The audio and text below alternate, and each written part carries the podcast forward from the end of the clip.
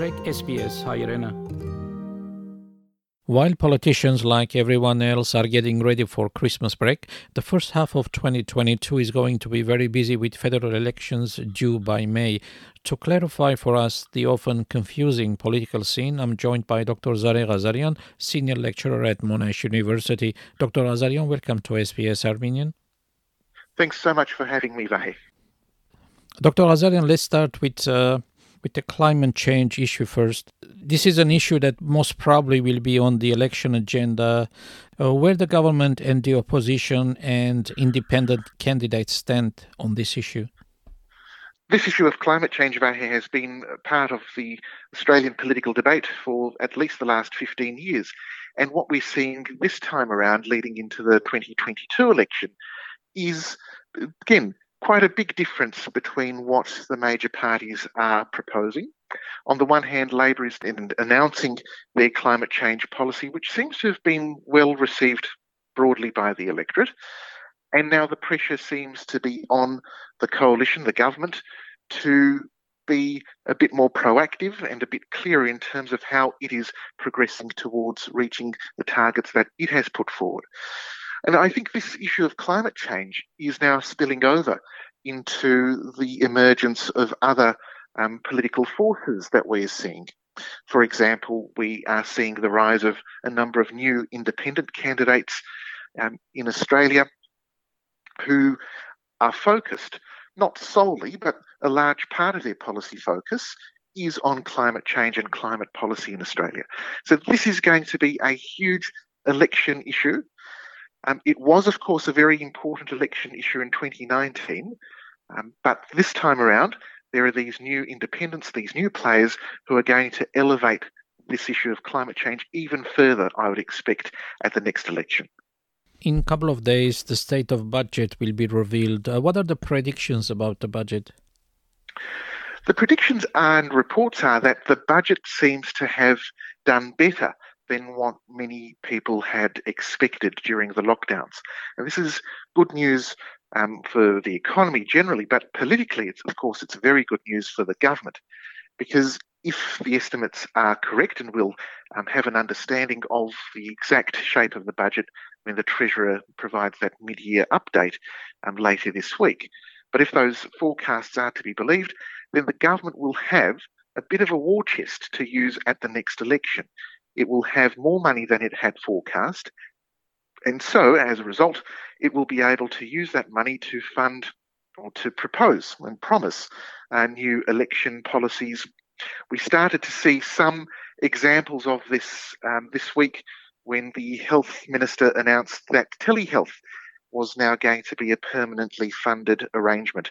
So, having a bit more money um, for the government is going to allow them to make these new policy promises, and you'd expect that there's going to be some sort of announcement on tax and tax cuts, because within the government, the coalition, and some within the coalition have been advocating for greater tax cuts in order to um, stimulate the economy further.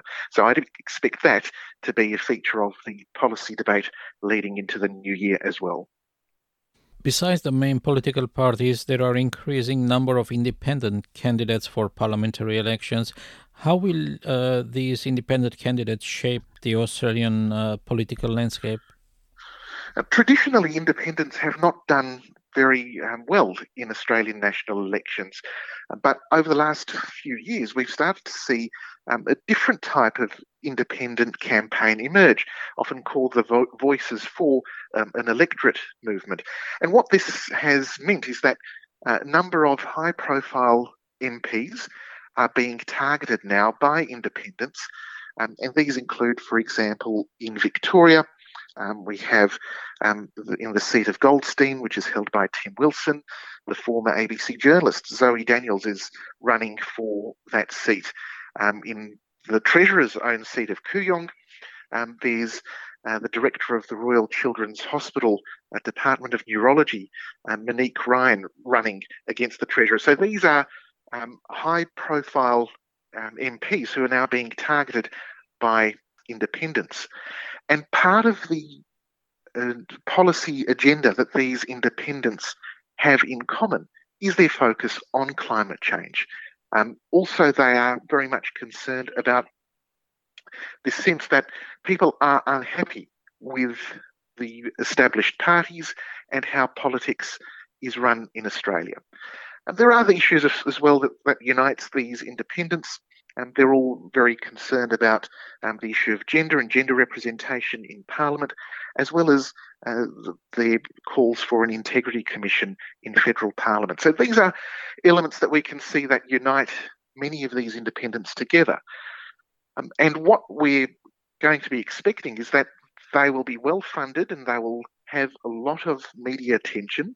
And because they are running in these high profile seats, um, you know, a lot of pressure is going to be on, on the Treasurer, on high profile coalition MPs such as Tim Wilson, um, to somehow counter these movements.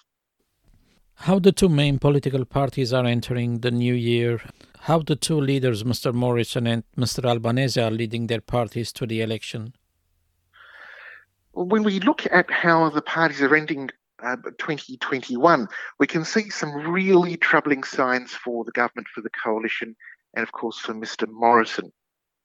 Um, since mid year, we've seen uh, the Labor Party hold a very comfortable lead when it comes to the important two party preferred vote. Um, Labor is ahead 53 to the coalition's 47. Now, that's a pretty big difference. And if an election was held today, we would expect the Labor Party to win comfortably. Um, more troubling signs are when we look at the coalition's primary vote, so the number of people who will put one in the coalition's um, on, on, the, on, the, ballot paper when voting. Um, and the coalition's primary vote has been dropping. Um, just to provide us with a point of comparison, in mid uh, 2020, the primary vote for the coalition was 44%. Now, in this month, it's down to 36%. Um, you'd think that many of those voters have deserted the coalition and have gone to Labor, but it doesn't seem to be that way because Labor's vote, in roughly the same amount of time, has gone up from 34 to 38% as a primary vote. Where there's been significant growth has been for others. And when um, this is, of course, referring to Newspoll, the, this data here, and when we look at what um, the others uh, category is, and that includes independents, um, that measure has gone up from 10 to 15% um, in this month. So um, you know, earlier on in the year, it was around 10%. In December 2021, it's gone up to 15%. So it appears that many voters are deserting the coalition and deciding to support for independents. And this is going to have a real um, exciting edge to the election because we don't know to what extent people will actually follow through on this promise.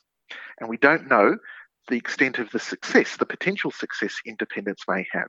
So there's great volatility and there's a lot of danger for the coalition politically um, if it is to stumble on any sort of policy issue in the new year.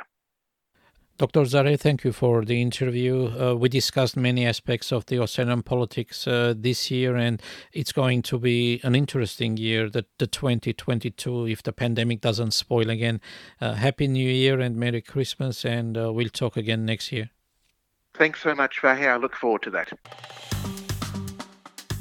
Հավնե, լայք, բաժնեկցե, դարձիկը թայտնե, հետևե SBS հայրենին թիմադեդի վրա։